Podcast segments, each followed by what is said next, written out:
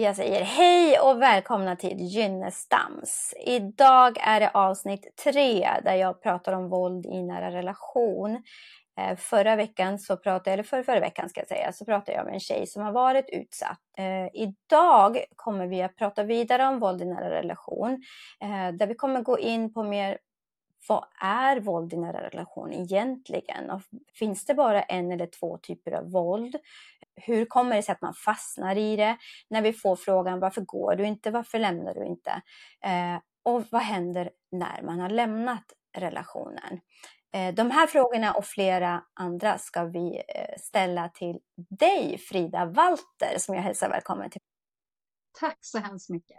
Du arbetar ju med de här frågorna. Eh, du arbetar ju med våld i nära relation. Du föreläser om det. Du har skrivit flera böcker. Du jobbar aktivt eh, för att hjälpa eh, andra kvinnor i de här situationerna.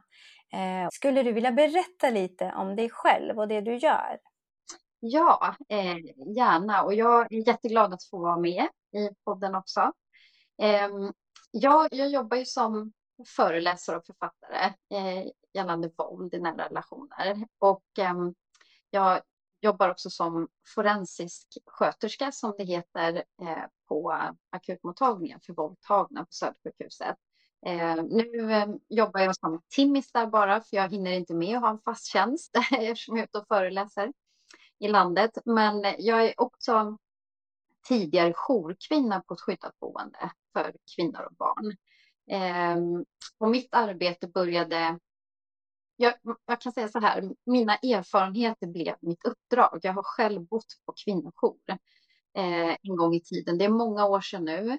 Men eh, det, det, jag reagerade på, fast jag själv var våldsutsatt och bodde eh, på jour, det var första kvinnojouren som vi Eh, skulle bo på så var det nio kvinnor med barn som kunde bo där. Och den här hallen, när vi kom in där och alla de här barnskorna och barnvagnar och eh, ja, men det, det blev, även fast jag själv var utsatt, eh, så kände jag att det inte är klokt att det här pratar vi för lite om. Och det är så många kvinnor som är på flykt i sitt eget land som är frihetsberövade.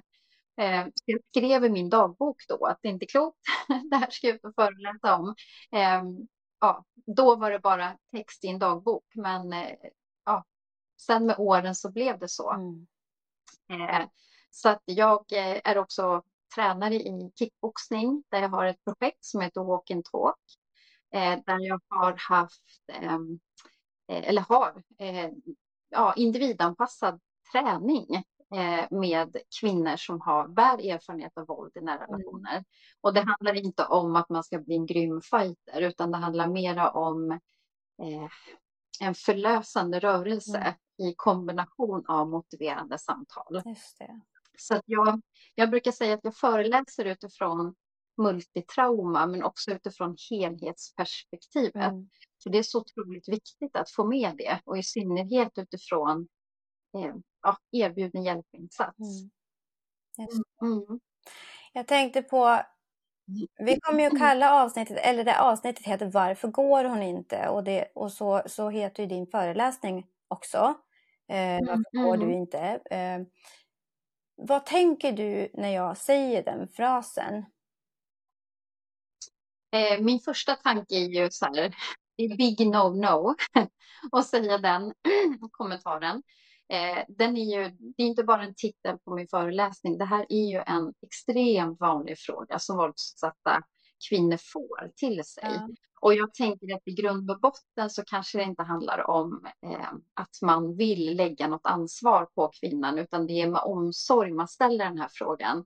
Men det landar eh, fel, därför att det, det ökar skulden och skammen för att många eh, som lever i våld i nära relationer kan också se att det finns en, en problematik, men våldet är ju många gånger så pass normaliserat att man inte heller ser våldet. Eh, och är det så att den här kvinnan inte har fått någon som helst hjälp att lämna, då är det ibland fysiskt omöjligt för henne att lämna. Mm. Och ibland så kan ju också den här eh, hjälpinsatsen, om den är forcerad. Eh, och ja, att det, kanske är en jättedriven sjukvårdspersonal som bara, ah, du måste liksom. Då kan den här hjälpinsatsen också upplevas som ett hot. Mm. Eh, varpå den här kvinnan blir rädd och backar tillbaka och avviker för att hon är inte rätt i sin process för att våga ta emot det här. Eh, så att det är ju en yttre resa, men det är också en inre resa eh, där varje steg behöver ses över därför att det är också, vi pratar om ett dödligt mm. våld. Eh, vi pratar om ett våld där en kvinna var fjärde vecka mördas av en närstående man. Eh, så det finns ingen quick fix. Och den här frågan, varför går hon inte? Ja, jag brukar säga att har man en gång blivit förlamande rädd mm då gör man allt man kan för att inte bli räddare. Alltså det är någonting helt annat som kliver över rationellt tänkande därför att blir man förlamande rädd, det är en annan typ av rädsla. Ja. Eh, där det liksom hela tillvaron baseras utifrån hot och varningssystemet, katastrofer. Hur ska jag kunna överleva det här? Jag brukar säga att det är som att ständigt löpa över fält med minor. Ja. Men du har varken kompass eller karta, utan du använder bara den här högkänsliga inkänningsförmågan. Att okej, okay, här ska jag gå hög. Oh, okej, okay, hur är det här? Och det är därför också många våldsutsatta kvinnor blir, vad ska man säga, eh, minst lika beroende av förövaren som förövaren är av kvinnan, fast av olika anledningar. Yes. Kvinnan blir utifrån överlevnad. Mm. Om eh, ja, att liksom ha koll på mobilen. Om den här förövaren har ringt 50 gånger på en kvart, då vet hon, okej, okay, det är röd zon. Vad behöver jag då? Jo, men då behöver jag den här strategin. Eller är han snäll och trevlig, eh, smickrande, eh, då kan den här kvinnan säga okej, okay, han är tillfreds, så kan jag vara lite lugn. Och blir det tyst på telefonen, då kan många våldsutsatta kvinnor också bli uppsökande mm. förövaren. Och det här är också någonting som kan bli en krock med myndigheter eller anhöriga. Att nej men, men vadå, han, han utsätter dig för våld, men du söker upp honom. Men det här är också utifrån överlevnadsstrategin, för kvinnan behöver veta var är du? Så då kan det bli att hon knackar på och han svarar. För att hon måste veta vilken plan. Vart någonstans på minfältet är han? Det blir en oerhörd här... kontroll man behöver ha. Mm. En oerhörd kontroll är det. Och, och jag brukar säga att det är ungefär lite som eld. Alltså när man, när man eh, tänder en eld så ska det vara kontrollerat. Mm. Eh, och man behöver se till att den här elden inte sprider sig. Och många våldsutsatta kvinnor eh, har också blivit lärda att de inte kan typ andas utan sin förövare mm. om man har levt tillräckligt länge under kontroll. Mm. Så det kan också bli väldigt otäckt att påbörja den här frigörelseprocessen. För att bara det blir som, hur ska jag kunna andas utan honom? Mm. Um, så att den här, det, det är så många delar som verkligen behöver eh, liksom tas i kvinnans egna takt. Hon måste äga stafettpinnen eh, och förstå varför hon ska ta det här steget genom kunskap, stöttning. Eh, så det vill till att liksom alla instanser gör sitt så att vi kan liksom möjliggöra för den här eh, processen. Just det. Och det är både förebyggande arbete utifrån den akuta fasen men också efter den här frigörelsen. Mm. Eh, någonting som man också pratar väldigt lite om, eller mycket om ska jag säga först, det är typen av våldet, då är det främst fysiskt våld har vi pratat om förut, att det är mm. det man pratar mest om, eller åtminstone hör mest om. Och sen psykiskt våld, ah, det pratar man inte så mycket om, men det finns ju mm. fler typer av våld än de två också. Skulle du kunna beskriva de här olika typerna och berätta lite om hur de fungerar, hur de ter sig? Mm. Mm. Det här är jättebra att du tar upp, eh, för det är precis som du säger att många gånger så är det misshandel, då tänker man på fysiskt våld. Och jag har nog inte hittills träffat någon våldsutsatt kvinna på alla de här åren som jag eh, ändå har jobbat med det här som inte har sagt att nej men det fysiska våldet, eh, det, det liksom gick över. Mm. Eh, ett blåmärke läker eller eh, och han lugnade ner sig. Mm. Det är ingen prövare som orkar liksom slå dygnets alla timmar. Mm. Men det psykiska våldet, det pågår hela, hela tiden. Mm. Och det är också det våldet som är själva hjärntvätten. Det är det våldet som också möjliggör för de andra typerna av eh, våldsuttrycken. Eh, och eh, även efter då den här relationen har avslutats och den här kvinnan inte får rätt hjälp, mm. då kommer hon gå kvar med det här psykiska våldet som ett eko. Det är hennes, hennes verklighet. Mm. Och sannolikheten att hon går in i en ny våldsam relation är väldigt, väldigt hög. För det är så sagt den enda sanningen hon har. Eh, men i, i det psykiska våldet som oftast börjar eh, och eh, sen brukar, det kan se olika ut såklart, men sen är ofta materiellt våld nära till hands där förövaren slår sönder i hemmet, kanske förstör kära ägodelar. Det här är också en punktmarkering, att nästa gång kan jag göra det här med dig. Eh, jag kallar det för en våldsceremoni. Många gånger så slår ju förövaren sönder saker framför kvinnan. Det är inte så att han går in i ett annat rum Nej. och slår sönder en vägg, utan det ska vara framför kvinnan. Mm. sexuellt våld är ju extremt vanligt. Och, eh, men det här är också ett våld som många gånger eh, inte syns eller ställs frågor kring. Mm. För det glömmer man bort lite grann. Mm. Men många våld, eller många män som brukar våld i sin relation vill väldigt gärna ha sex i nära anslutning till en misshandel. Eh, en kvinna berättade att hennes förövare hade sagt att hans manlighet försvann när han slog sin fru. Mm. Och då var han tvungen att ta tillbaka den genom att ha sex med henne. Och den här kvinnan sa att nej men jag vill inte ha sex med honom, men jag törs inte säga nej. Men han blir lugn efteråt. Så det betyder att hon använder mm. ett av de värsta traumorna man kan vara med om utifrån en överlevnadsstrategi för att kunna få lite lugn. Mm. Så det är katastrof. Eh, sen eh, har vi försummelse. Eh, att kvinnan inte får den medicinska omsorg hon behöver. Det kan vara tandläkartid eller ja, omsorg mm. helt enkelt. Ekonomiskt våld är väldigt, väldigt vanligt. Eh, att kvinnan inte får jobba, ha egen inkomst. Eh, jag har träffat kvinnor, en kvinna som fick veckopeng mm. och han hade liksom pratat med henne att nej men du kan vara hemma, jag tar hand om det här. men sen visade det sig att det var ju liksom ett supereffektivt vapen, mm. att han visste vad hon var eh, och hon kunde inte frigöra sig. Eh, och sen eh, är det digitalt våld där övergreppen kanske filmas, dokumenteras på olika sätt. och det här kan ju sedan användas som vapen eh, emot kvinnan. Att polisanmäler du då kommer alla på din arbetsplats, när de sätter på datan imorgon, så kommer alla deras skärmar vara en bild på dig.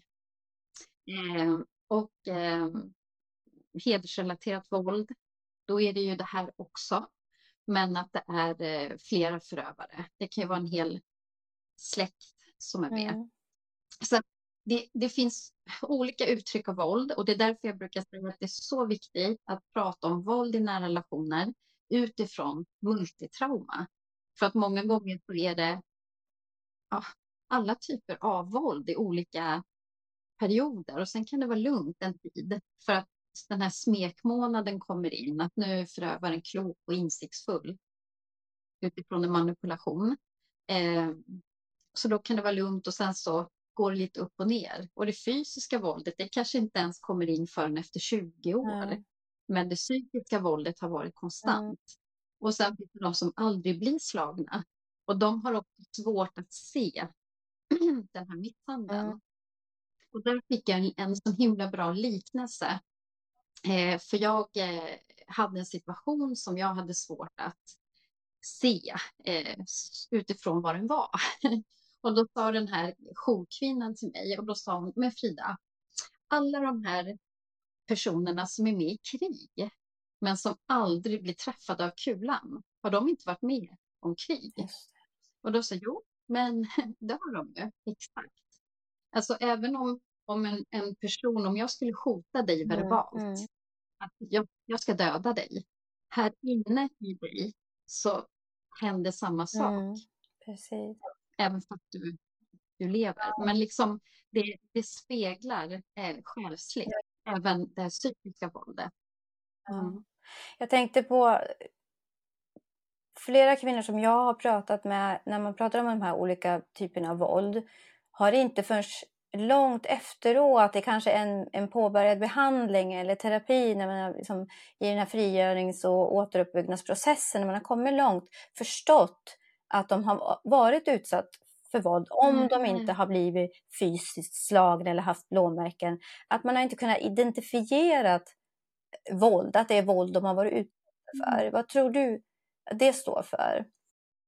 Ja, nej men verkligen. Och det är där jag tänker att ansvaret ligger på eh, olika instanser som möter de här kvinnorna. Eh, dels att, att de här professionerna förstår att det, det handlar inte om att kvinnan är korkad, Nej.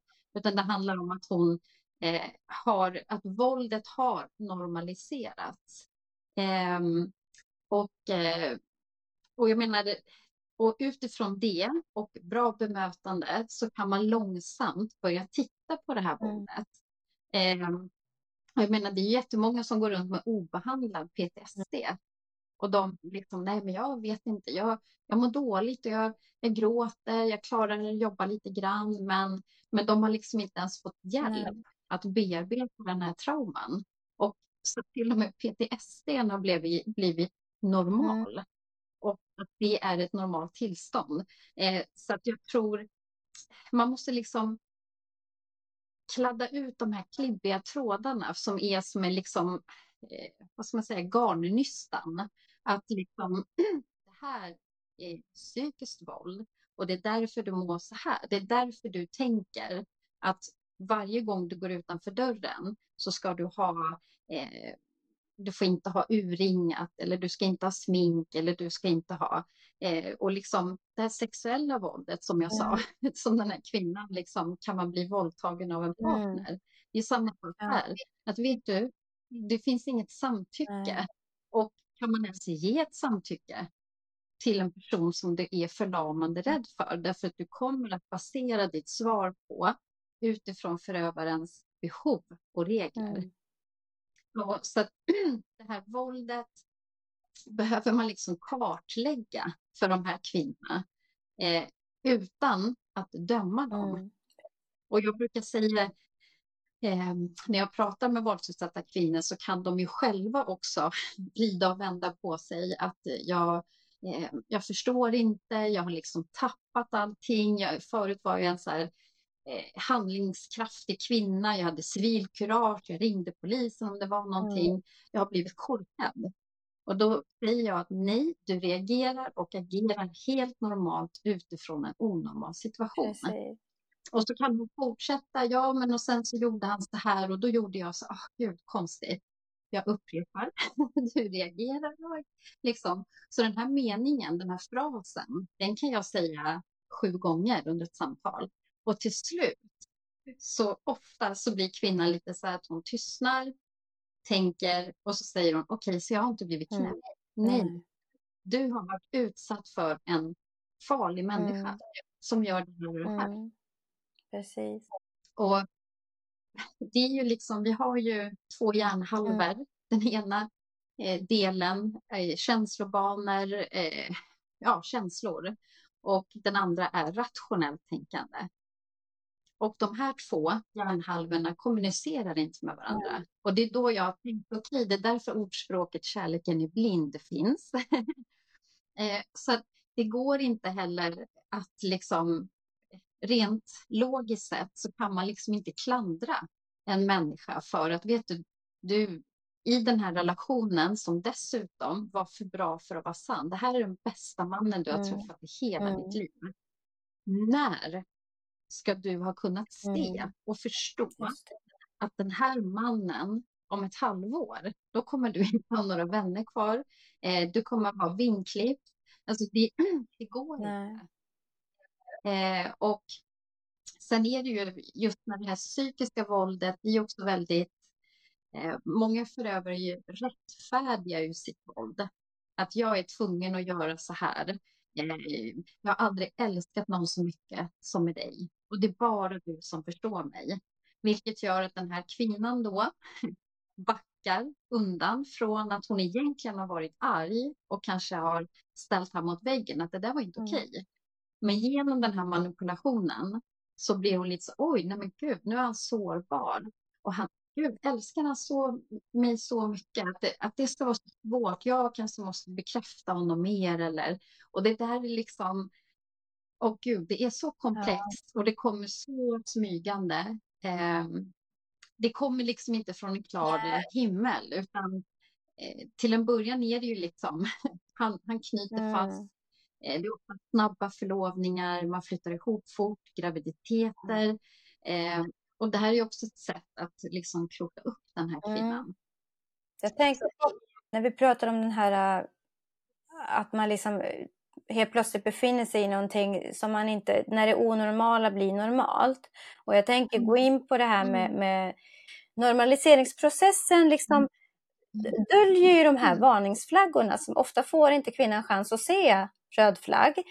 Så jag tänkte att Mm. vi ska gå in på Mm. och prata lite mer om de här olika processerna och då till exempel börja med normaliseringsprocessen. Vad är det? Och du har ju pratat lite om det, men Mm. vad är det som händer liksom? Eh, Och hur, hur fort kan det gå? Ja, och jag tänker, och det finns ju massa varningssignaler. Eh, En som är väldigt vanlig, det är ju att de här männen utmålar sina tidigare partners eller sin egen mamma för Mm. psykiskt sjuk. Det är en supervanlig grej. Ehm, Men till en början så är ju de här männen många gånger för bra för att vara sanna. Men det här beteendet börjar ändras, det kan komma kränkande ho, liksom, ord eh, och eh, ja, lite sådana här eh, inbakade, liksom, vad ska man säga, Mm, underhot. mm. om man ska uttrycka det så. Men eh, liksom, ska du verkligen gå ut med dina kompisar just idag? För jag hade tänkt att vi skulle ha en mysig Mm. hemmakväll. Att du ser inte det förövaren Nej. egentligen vill. Och sen tänker jag också att har du ingen kunskap om varningssignaler, då har du inte heller de glasögonen på dig. Hur, vad är det du ska titta efter? Eh, och, det är, och det är därför den här kunskapen är så viktig och att man jobbar förebyggande i skolor. Vad är varningstecken? Eh, exempelvis.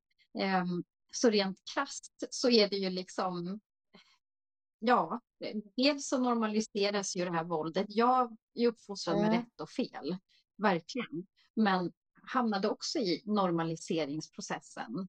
Ehm, och även efter den här eh, frigörelseprocessen, om den här kvinnan inte får hjälp, så kommer hon ändå inte se de här varningstecknen i nästa Nej. relation.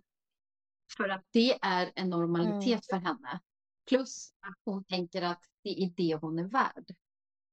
Eller den här destruktiva tacksamheten. Ja, fast den här mannen är inte lika Nej. hemsk. Den andra Mm. var värre. Och glädjen är inte riktigt till för mig. Ehm, så att det är ju liksom... När jag är ute och föreläser på olika eh, verksamheter så kan det ju vara liksom att man möter eh, medarbetare som liksom, de har inte fått de här glasögonen. Vad är det vi ska Mm. titta efter? Och det är det här som är så viktigt, att ha kunskapen. För har man kunskapen, då kommer man kunna se, man kommer liksom kunna känna med fingertoppkänsla Mm. nästan. Ehm, och också kunna hjälpa. Så det är otroligt kraftfullt ihop med medberoendet. Det är liksom, det, det ja. Vill du utveckla det med medberoende då? Hur menar du medberoende på, på vilket sätt? Alltså, ofta så pratar man ju om medberoende utifrån eh, alkohol eller Mhm. narkotika.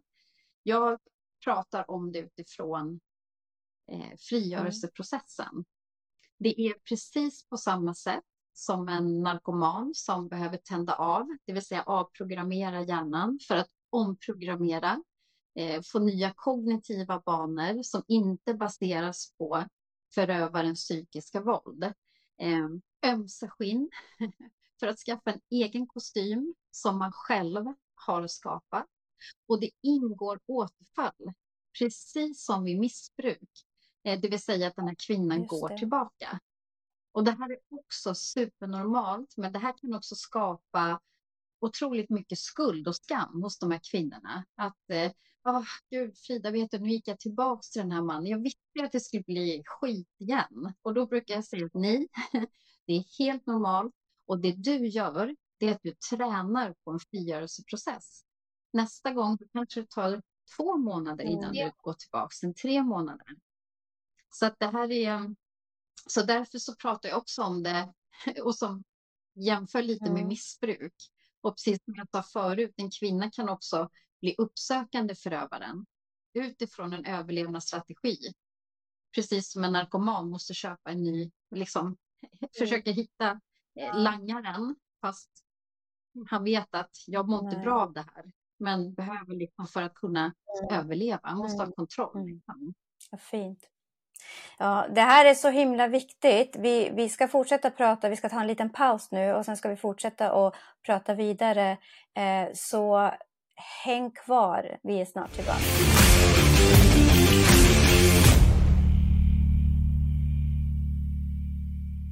Ja, då är vi tillbaka. Eh, Gynnestams. Vi pratar återigen eh, om våld i nära relation och idag pratar jag med Frida Walter som föreläser om våld i nära relation och har skrivit flera böcker. Eh, så Frida, vi pratade sist eh, nu innan vi gick på paus om just det här med normaliseringsprocessen och jag tänkte gå in, vi gick in lite på frigör, frigöringsprocessen. Jag tänkte om du mm. kunde berätta lite mm. mer om det vad, det, vad är det för process? När börjar den?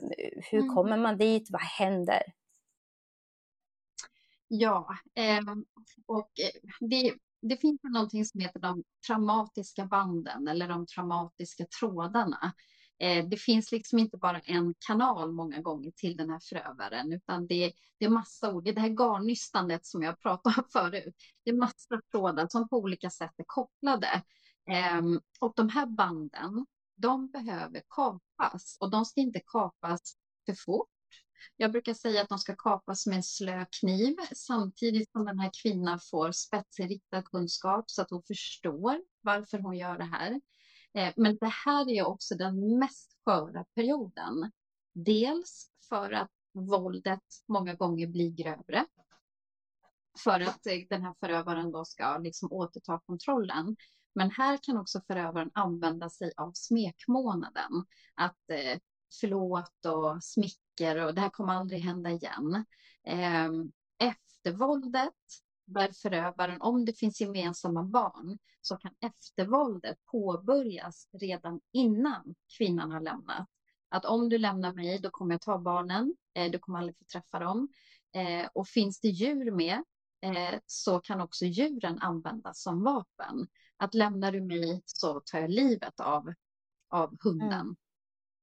Mm. och jag vet en, en kvinna och barn som åkte hem från sitt skyddade boende för att förövaren skickade en film eh, där han beskrev då att kommer ni inte hem så dödar jag hunden. Mm. Eh, och för de här barnen så är inte de här djuren, det är inte bara ett husdjur, utan det är verkligen en bästa kompis. Och då finns ju den här superfantastiska organisationen VOV som hjälper till med tillfälliga jourhem. Och det här är också ett sätt eh, att hjälpa utifrån helhetsperspektivet med de som möter de här kvinnorna som erbjuder hjälp. Då måste man också fråga hur ser det ut omkring er? Har ni djur? Är det hot hos föräldrar?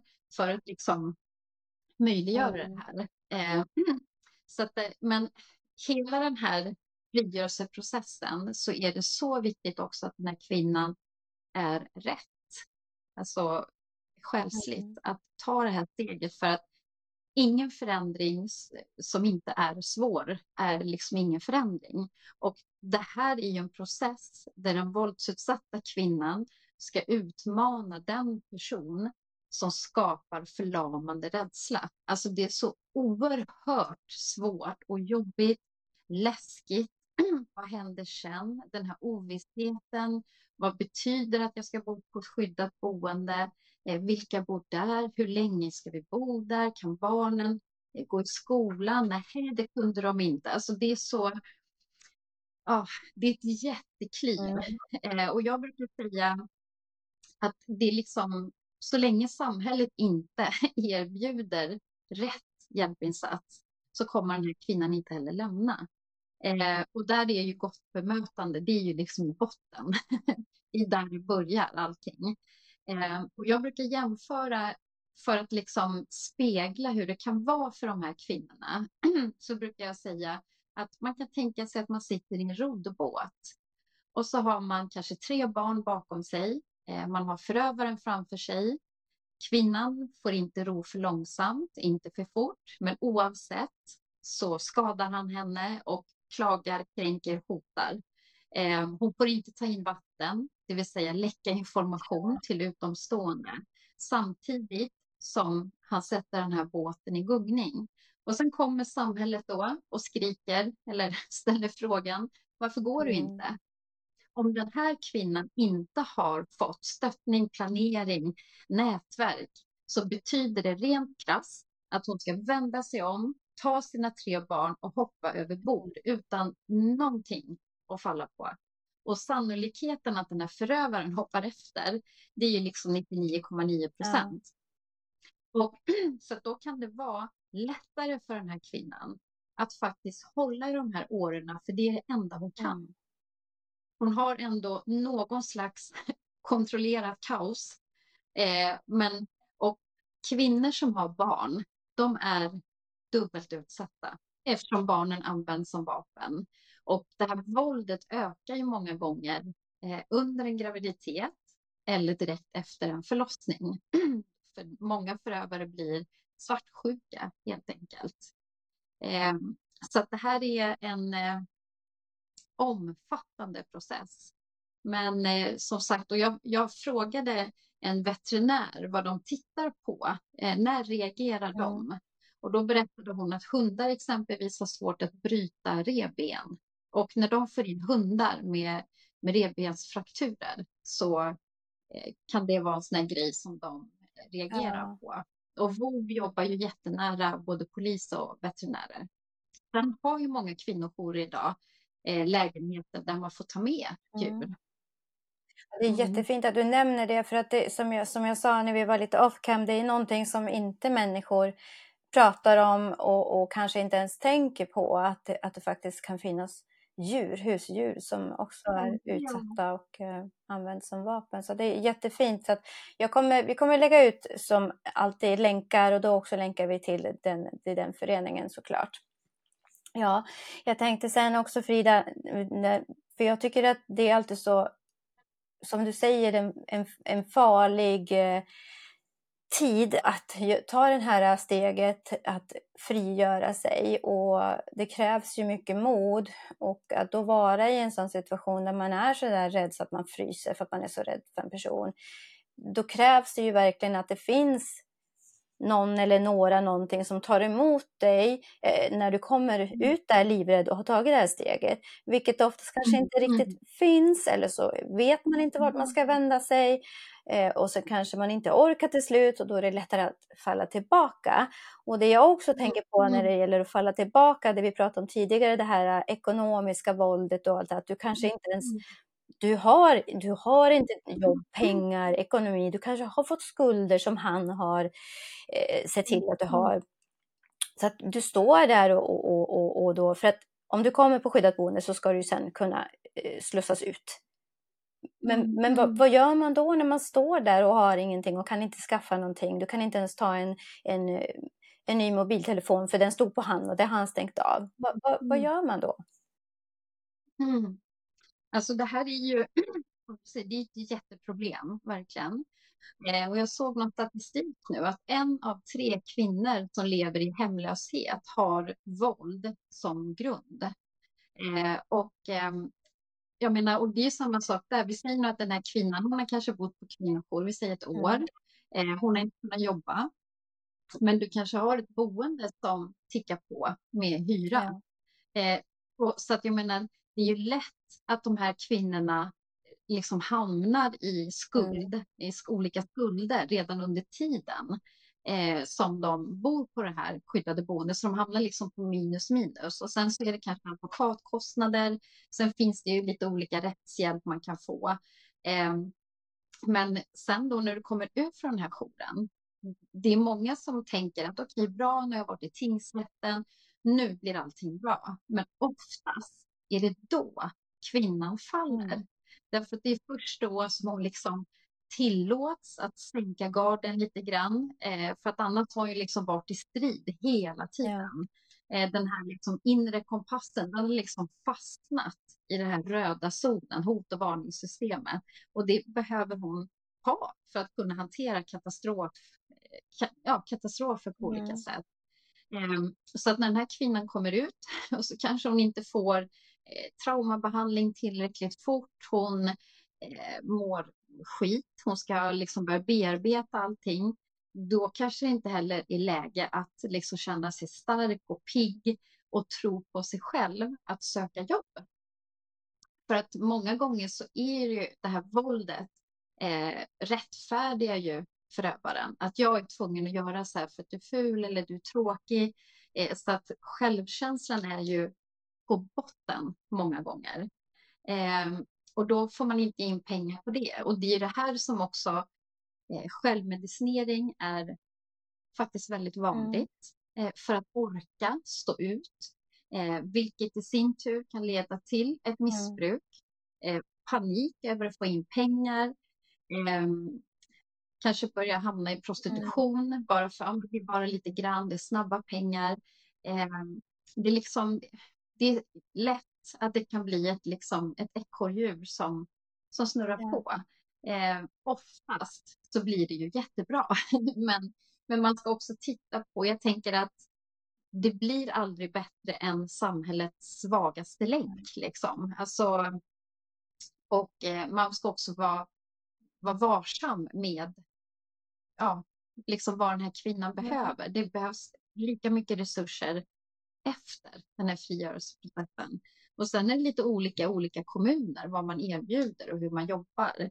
Vissa kommuner, jag tror att det är 29 kommuner av flera hundra som har förtur mm. eh, gällande bostad mm. med kvinnor som exempelvis bor på skyddat boende. Mm. Vissa kvinnojourer har liksom lite tillfällig lösning som en, en lägenhet som kvinnan kan få bo i ett tag efter att hon är placerad. Um, men det är, det är jättesvårt. Eh, och sen är det ju också att de här kvinnorna kanske, vi säger att du bor på en kvinnojour ett år och sen så får du en lägenhet, du flyttar ut. Då kan det kännas otroligt otäckt. Ja. Från att du har haft det här trygga nätverket, dels av att träffa andra kvinnor, eh, att ha den stöttningen, att du liksom ändå få dela en vardag med andra mm. som har varit utsatta, vilket är så viktigt utifrån igenkänningsfaktorn och förstå att man inte är korkad. Men eh, nu tappar jag lite vad jag skulle säga. Jag menar att, man kan ha en, att du kan ha en lägenhet att det känns att det kan bli väldigt svårt och läskigt.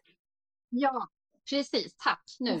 Eh, ja, för det är ju en slags fri, alltså frihetsberövning att sitta mm. där. Eh, och så var det det här skyddsnätet med de här jourkvinnorna som eh, ja, är som en, vad ska man säga, snuttefiltar och eh, liksom de kramar och lyssnar och tar hand om.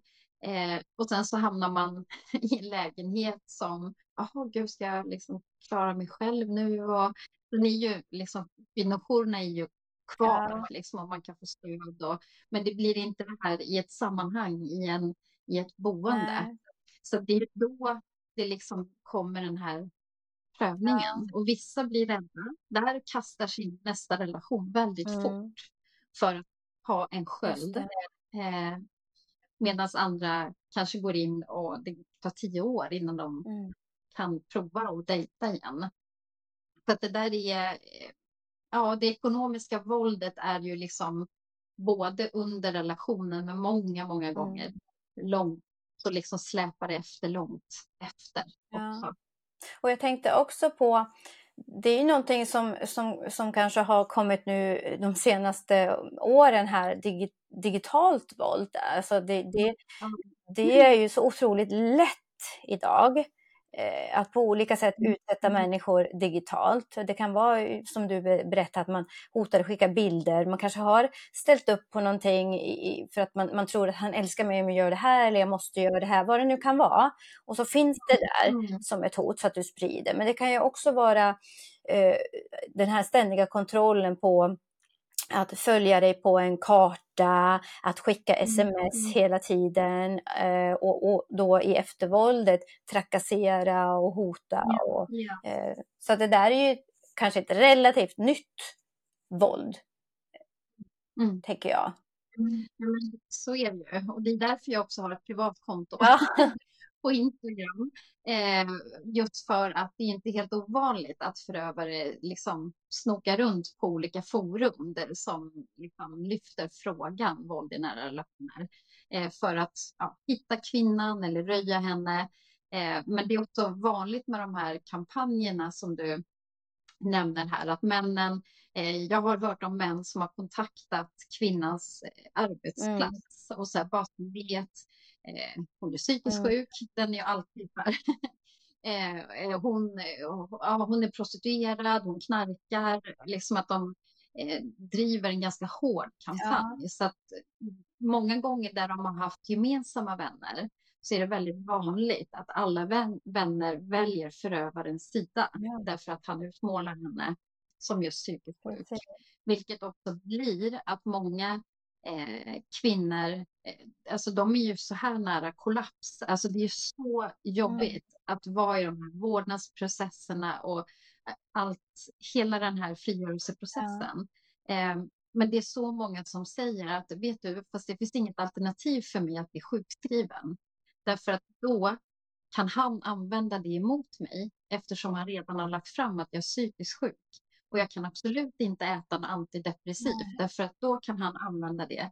Så att trots att de är i en situation där de alla dagar i veckan har så, alltså skulle kunna vara långtidssjukskrivna på grund av de här symptomen de mm. har, så är de ändå att de biter ihop liksom, ja, med vattenytan här och lever på energi liksom, av gaser från det som en gång var. Eh, och det är så många som är liksom, åh gud, jag klarade en dag till utan att jag svimmar. Typ. Eh, mm. Ja, nej, det är hemskt. Ja, och jag tänker mm. också på eh, om man har varit utsatt, vare sig man har varit utsatt i, i 20, 30, 40 år eller ett och ett halvt år.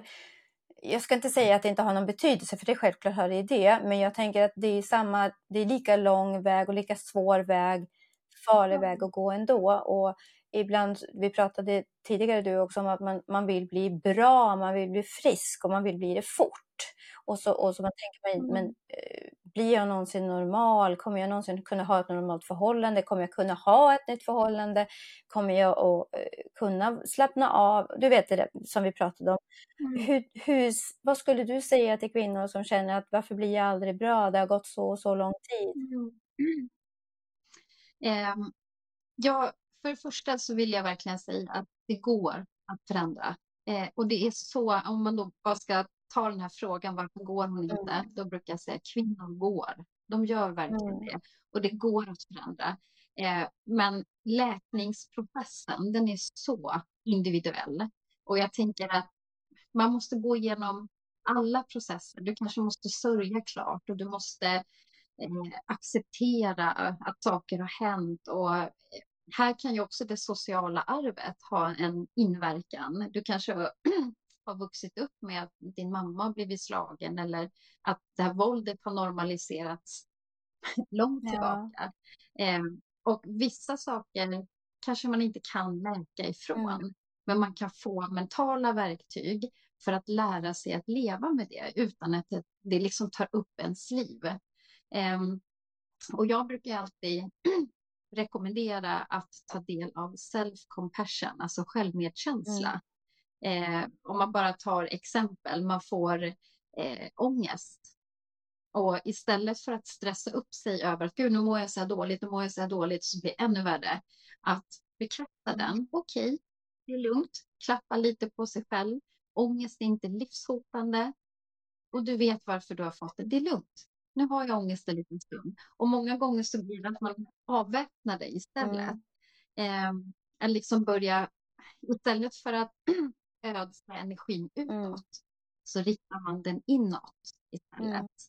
Mm. Eh, att man är medmän, liksom med, mänsklig, eh, att man inte är en supermänniska som klarar allt. Mm. Eh, men att man börjar liksom tala till sig själv yeah. På, ett, på ett vänligt sätt, att man är värdefull. Och det här är ju, många beskriver det som att här, nej men det känns nästan så här, tillgjort, som att jag mm. ljuger. Mm. Och så länge den känslan finns så är det bara tecken på att man behöver träna ännu mer. Och det var en som sa till mig, så här, har du köpt blommor till dig själv någon mm. gång? Jag nej. mm. Och det är också så här att liksom små steg, vad duktig du var idag eller heja heja. Mm. Um, så det är en jättelång mm. process. Mm. och det är inte heller konstigt. Och där tänker jag också att man, eh, man kanske bara får titta på, men okej, jag, jag är inte färdigläkt idag, mm. men kolla vad jag har gjort. Jag, jag har lyckats lämna och jag har lärt känna de här människorna, jag har träffat de här kvinnorna, eh, jag har fått den här kunskapen. Att man också försöker väva in det här positiva mm. eh, som, som många gånger också kommer, alltså positiva saker utifrån fina människor man möter. Eh, men, och jag brukar säga att liksom, det är lite som att hitta, just det här, att hitta förmågan att bli stark i det svaga. Mm. Klarar man av det och det går, eh, då kan man också hitta glädjen mitt i sorgen. Lite som att lära sig dansa i regnet och plötsligt är man tacksam att det i alla fall inte haglar. Eh, att det här minfältet ändå får lite vackra ting, alltså blommor, lite grönska. Och även där så kan även kvinnan behöva byta glasögon. Att inte bara liksom försöker känna vittring av katastrofer. För den rollen har haft sin funktion. Men efter frigörelseprocessen så är det andra sinnen som hon liksom, ja, här i relationen eller frigörelseprocessen, där är hennes inre kompass livsviktig ja. för att veta vilken plan hon ska ha. Eh, men efter, då behöver hon livets kompass Alltså kärlek, glädje, samvaro, eh, kontakter, mm. nätverk. Mm. Och det här kan man också behöva träna ja. på. För att kontakt med människor kan också vara skrämmande. Mm. Och jag tänkte på det också, för det, det, det vi pratade om tidigare, att man blir, har blivit liksom ifråntagen allting. Människor omkring dig, mm. vänner, familj, eh, ditt egenvärde, ditt självförtroende eh, och, och, allt det här. Så att du blir måste ju kanske stå väldigt tom utanför och då när den här mm. återuppbyggnadsprocessen ska börja. Jag minns till exempel jag själv i min återuppbyggnadsprocess efter att ha varit och gick i en park. Och helt plötsligt så kom mm. jag på, men vänta, får jag gå här helt ensam? Och, jag, och jag kom på att ja, det får jag. Jag får gå här och det är okej. Okay. Och jag, liksom, den liksom eh, uppbyggnadsfasen, att liksom, det är okej, okay, får jag, gör jag rätt, gör jag fel, är det någon som kommer en, liksom det där. Det tar ju tid, men det är också väldigt fint att upptäcka livet på nytt. Och sen mm. att det kanske är eh, ett steg fram, två steg tillbaka hela tiden, men det är ändå, man kommer ju ändå framåt. Liksom, men att man måste verkligen ge det tid. Ja, och jag brukar säga att det är lite som att lära sig cykla mm. på nytt. Man har hjälm och det är stödhjul, det är armbågsskydd, knäskydd, orange flagg. Ja. Och sen har man lite trygga, goa människor som puttar på och säger att det är okej, okay, du kan ta den här backen nu. Eh, och sen på sikt, precis som du säger, du går i parken, du reflekterar, du investerar. Eh, så kan man börja plocka av lite skydd och stödhjul till att du liksom faktiskt kan cykla. Eh, men det tar tid och jag tänker att det är väl kanske där man behöver landa lite. Mm. Att nu är jag här mata sig själv med self-compassion, mm. Omge sig med människor som inte, där, där, man får vara fri, alltså utifrån vad man mm. känner. Eh, det är jätteviktigt, men det går att förändra. Men det kan kännas så hopplöst när man är liksom mitt i allting. Just det. Jag tänkte prata lite kort innan vi går till avslut om, du har ju skrivit fyra böcker som mm, är mm. som lite självhjälpsböcker. Vill du berätta lite om de här böckerna? Ja, och det är ju lite, när jag skrev mitt eh, kontrakt med förlaget, då hade jag skrivit ett helt annat manus som heter Mamma gråt inte. Och det manuset är inte släppt än. det var nämligen så här att jag, eh, jag har ju böckerna här framför mm. mig, jag kan bara visa formatet. De är ju väldigt mm. små. Eh, och den här boken, Nu går jag, eh, det är en handbok för att lämna en destruktiv relation. Och eh, anledningen till att jag skrev den här, det var för att jag hade ett långt samtal med en kvinna som, som levde på kvinnojour. Och då kände jag så här, nej men gud, varför, varför kan man inte ha en samlad bok? Vad hade jag velat ha när jag bodde på kvinnojour? Eh, och så bara, nej, jag vill ha en handbok. så att jag liksom provade med format, man måste kunna få ner den i handväskan, det ska vara kortfattad information, det ska vara hög igenkänning. För att det där är någonting som är verkligen läkande. Dels att läsa, eh, där man förstår texten utifrån sig själv.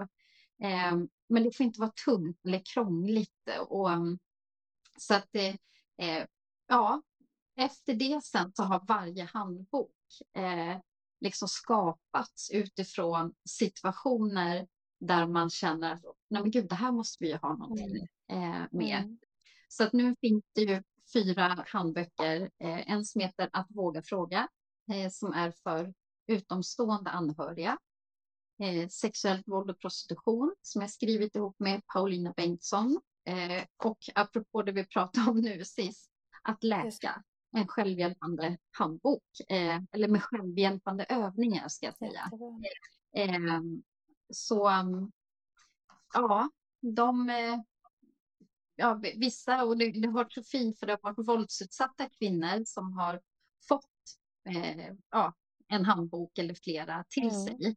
Eh, och sen har de kontaktat mig. Hej Frida, nu har jag fått kontakt med en våldsutsatt kvinna och nu vill jag köpa den där boken till mm. henne. Eh, och det är så fint eh, när våldsutsatta kvinnor också, eh, nästan alla, så vill de göra skillnad för någon annan. Eh, och eh, det här är ju någonting som är, idag är ju mina erfarenheter mitt absolut bästa arbetsverktyg. Mm. Eh, för att den här högkänsliga inkänningsförmågan, den är jättehjälpsam för mig i gällande mm. bemötande. Eh, när jag träffar, jag kan nästan eh, liksom se på andningen att säga, nej, hon är, okej, hon är mm. där nu. Mm, men då måste jag gå den här vägen för att kunna nå hit. liksom sådär. Eh, så det kan man liksom, det, det, är också ett sätt att läka, mm. att använda genom kunskap eh, om ditt trauma eh, så får man en hel portfölj med kunskap som man sen kan förvalta på olika sätt. Så det, ja, så det, det finns hjälp att få. Det finns så många olika instanser som man inte heller tänker eh, jobbar med våld i nära relationer. Exempelvis eh, Svenska kyrkan eh, har ju bokat in mig jättemycket. Mm. Eh, och där är ju också en, en instans som jobbar väldigt mycket i frågan. Därför att det, och där är det total sekretess. Mm. Och det är jättemånga som inte ens går i kyrkan som kommer dit för samtal mm. eh, och samverkar på olika sätt. Så det, det, är liksom inte bara polisen, kvinnojourer eller Nej. SOS, utan det finns eh, ja, så otroligt mm. många andra som man kan, kan eh, ja, komma och samtala med. För jag tänker att det kan vara det som också är svårt när man befinner sig i en våldsam relation. Var ska jag vända mig? För, för många gånger tror jag kanske att man är rädd, man vill inte anmäla och tänk om han får veta om jag ringer mm. polisen. Mm. Så det är jättebra att det finns eh, andra alternativ. Och vi har ju lagt ut på vår hemsida också eh, många av de här numren som man kan vända sig till. Mm. Vad skulle du skicka för tips till kvinnor som befinner sig i en väldigt farlig situation och vill lämna? Alltså är det akut läge, då är det ju 112, alltså som man ska Mm. ringa för att kunna få akut Mm. hjälp. Eh, men är det inte en akut Mm. situation, eh, då är det ju om man kanske, många kan tycka att det känns otroligt jobbigt att eh, ha den här fysiska Mm. kontakten. Och då kanske det är lättare att ringa till Kvinnofridslinjen exempelvis. Eh, och de i sin tur har ju liksom hur mycket kanaler och nätverk som helst och har också kunskapen Mm. att kunna eh, motivera till att kanske komma, koppla ihop med en kvinnojour. Eh, så det är väl mitt första. Eller att man kontaktar eh, sin lokala kvinnojour eller någon annan kvinnojour eh, i annan kommun. Eh, det går ju också bra, för det, ju, det här är ju instanser som, eh, som har den här spetskunskapen. Eh, där man är van att också prata med våldsutsatta Mm. kvinnor. Men utöver det så är det ju, nu kommer det massa Ja, tips det här. är bra, det är jättebra. Eh, men annars så är det ju liksom att, att prata med någon som man känner sig trygg Mm. med. Eh, att eh, ja, jag, jag, jag behöver lite hjälp. Mm. Ja, men det är inte heller så lätt för att man vill inte bli dömd och Mm. sådär. Och jag tänker också att om man kontaktar de här nätverken och kvinnojourer och vad det nu kan vara så, så, så kan jag tänka mig att det, när du kommer dit så blir du inte så här, nej men nu har du ringt fel, vi kan inte hjälpa dig. Utan då får du hjälp och blir vidare slussad och, och tipsad. Och så att egentligen Mm. kanske du kan Mm. ringa, som du sa, vilken kvinnojour som helst. Eh, så blir du inte bara, tyvärr, vi, det är fel kommun eller så. Mm. Mm. Precis, och de är också vana Mm. att lyssna till, ja men liksom, ja jag vet inte om jag har ringt rätt. Om en kvinna ringer till en kvinnojour och säger det så vet ju den här jourkvinnan Mm. att hon har ringt alldeles rätt. Hon vet bara inte riktigt, hon har inte fått det här våldet tydliggjort för sig, men hon förstår att det är något som är rikstokigt. Eh, så att det är, mm, ja, man kan inte säga ordet tillräckligt många gånger, men det är kunskap, kunskap. Precis som om du har problem med hjärtat, ja men då är det en kardiologläkare du går till. Det är inget konstigt. Men det här är, våld i nära relationer är så oerhört Mm. komplext. Eh, och det är hjärntvätt och det är dödligt våld och det är så många olika steg och våldet kan också eh, drabba anhöriga. Eh, ja, det är liksom, man behöver den här spetskompetensen, men också utifrån igenkänningsfaktorn. Att den här mottagaren kan kommunicera på ett Mm. sätt att den här våldsutsatta kvinnan utifrån ord blir sedd och att hon eh, förstår att nej men gud, nu pratar ju den här jourkvinnan, det där är ju om mig. Hur visste hon det där? Men det är ju också för att de här förövarna har extremt lika tillvägagångssätt. Ja. Så jag har ju det här att, att våldsutsatta kvinnor eh, träffar andra våldsutsatta kvinnor. Det kan liksom bli en sån här, nej men gud, ja du också, jag Mm. med. Och sen att man pratar om något helt fruktansvärt som istället leder in till något slags förlösande skratt av att man säger, gud liksom, ah, men då är det inte jag som är knäpp. Mm. Eh, att det är så viktigt att, eh, för att det är otroligt stark tystnadskultur Mm. Och våldsutsatta kvinnor har lika stark flyktbeteende. Mm. Så minsta lilla hon eh, liksom känner av i ett rum att här blir jag liksom, ja, här blir jag inte förstådd eller hon kommer liksom gå Ja, på en gång. det. Och det går blixtsnabbt. Eh, och det är den här högkänsligheten igen Precis. som de har lärt sig. Mm. Jag tänkte fråga Frida, du åker ju runt och föreläser för, för eh, olika organisationer och Mm, jag vet, mm. poliser, sjuksköterskor, vad det kan vara. Och, och, och det är ju ett sätt att skapa, eller att bidra på att få en större kunskap. Vad är de största missuppfattningarna eller fördomarna du möts när du är ute på föreläsning? Om du möts av några? Eh, absolut. När jag började föreläsa, då eh, pratade jag ingenting om min egen erfarenhet av att bo på kvinnojour. Eh, men då fick jag en fråga som var just, eh, det fanns lite fördomar i och då kände jag att nej, men nu, då behöver jag svara med lite tyngd och så tog jag mig själv som exempel. Mm. Och då var det en kvinna som räckte upp handen och så sa hon att nej men, men vadå, du är ju normal. Och då kände jag att okej, okay, då finns det en, en vits med att jag faktiskt eh, pratar lite om mm. mig själv. Men, så att, men fördomar finns verkligen. Eh, jag möter inte så mycket eh, på de ställena jag är och Nej. föreläser. För de har ändå efterfrågat kunskapen. Mm. Men generella fördomar det är ju att det är missbrukande kvinnor, hemlösa kvinnor, eh, invandrarkvinnor, eh, kvinnor som bor i vad ska man säga, sämre områden. Eh, det är lite så typiska fördomar. Mm. Eh, likadant med förövarna är samma mm. sak. Att det är huliganer, eh, missbrukande män. Eh, men eh, sen är det ju liksom män som brukar våld har ju oftast en narcissistisk personlighet. Mm. Och de individerna älskar makt och många gånger så har de ju i regel väldigt bra mm. jobb. Eh, så liksom det här med, med, fördomar, vem som är utsatt och vem som mm. utsätter, det kan man bara, liksom, vem som helst kan bli drabbad och vem som helst kan vara förövare. Oftast är det den man minst anar. Mm. Mm. Bra. Vi ska alldeles strax avsluta här, men jag tänkte fråga om det är någonting som du skulle vilja sända ut innan vi, innan vi slutar till, till kvinnor som är utsatta? Till kvinnor som är utsatta, då vill jag verkligen att de ska tänka eh, en dag i taget. Alltså som farbror Melker säger i Saltkråkan, denna dagen är ett liv. Eh, att försöka spara energin, hålla huvudet högt. Även om det känns superjobbigt så kan man försöka ha några osynliga liksom stödkragar. Men att hela tiden, alltså även om de här stegen är så, så små, så är varje steg så ofantligt viktiga. Och även om man tar fem steg fram, men sen så blir det sex, sju steg bak, att man inte ska slå på sig själv, att nu klarar jag inte det här, utan att man tänker att jag reagerar och agerar helt normalt utifrån en onormal situation. Mm.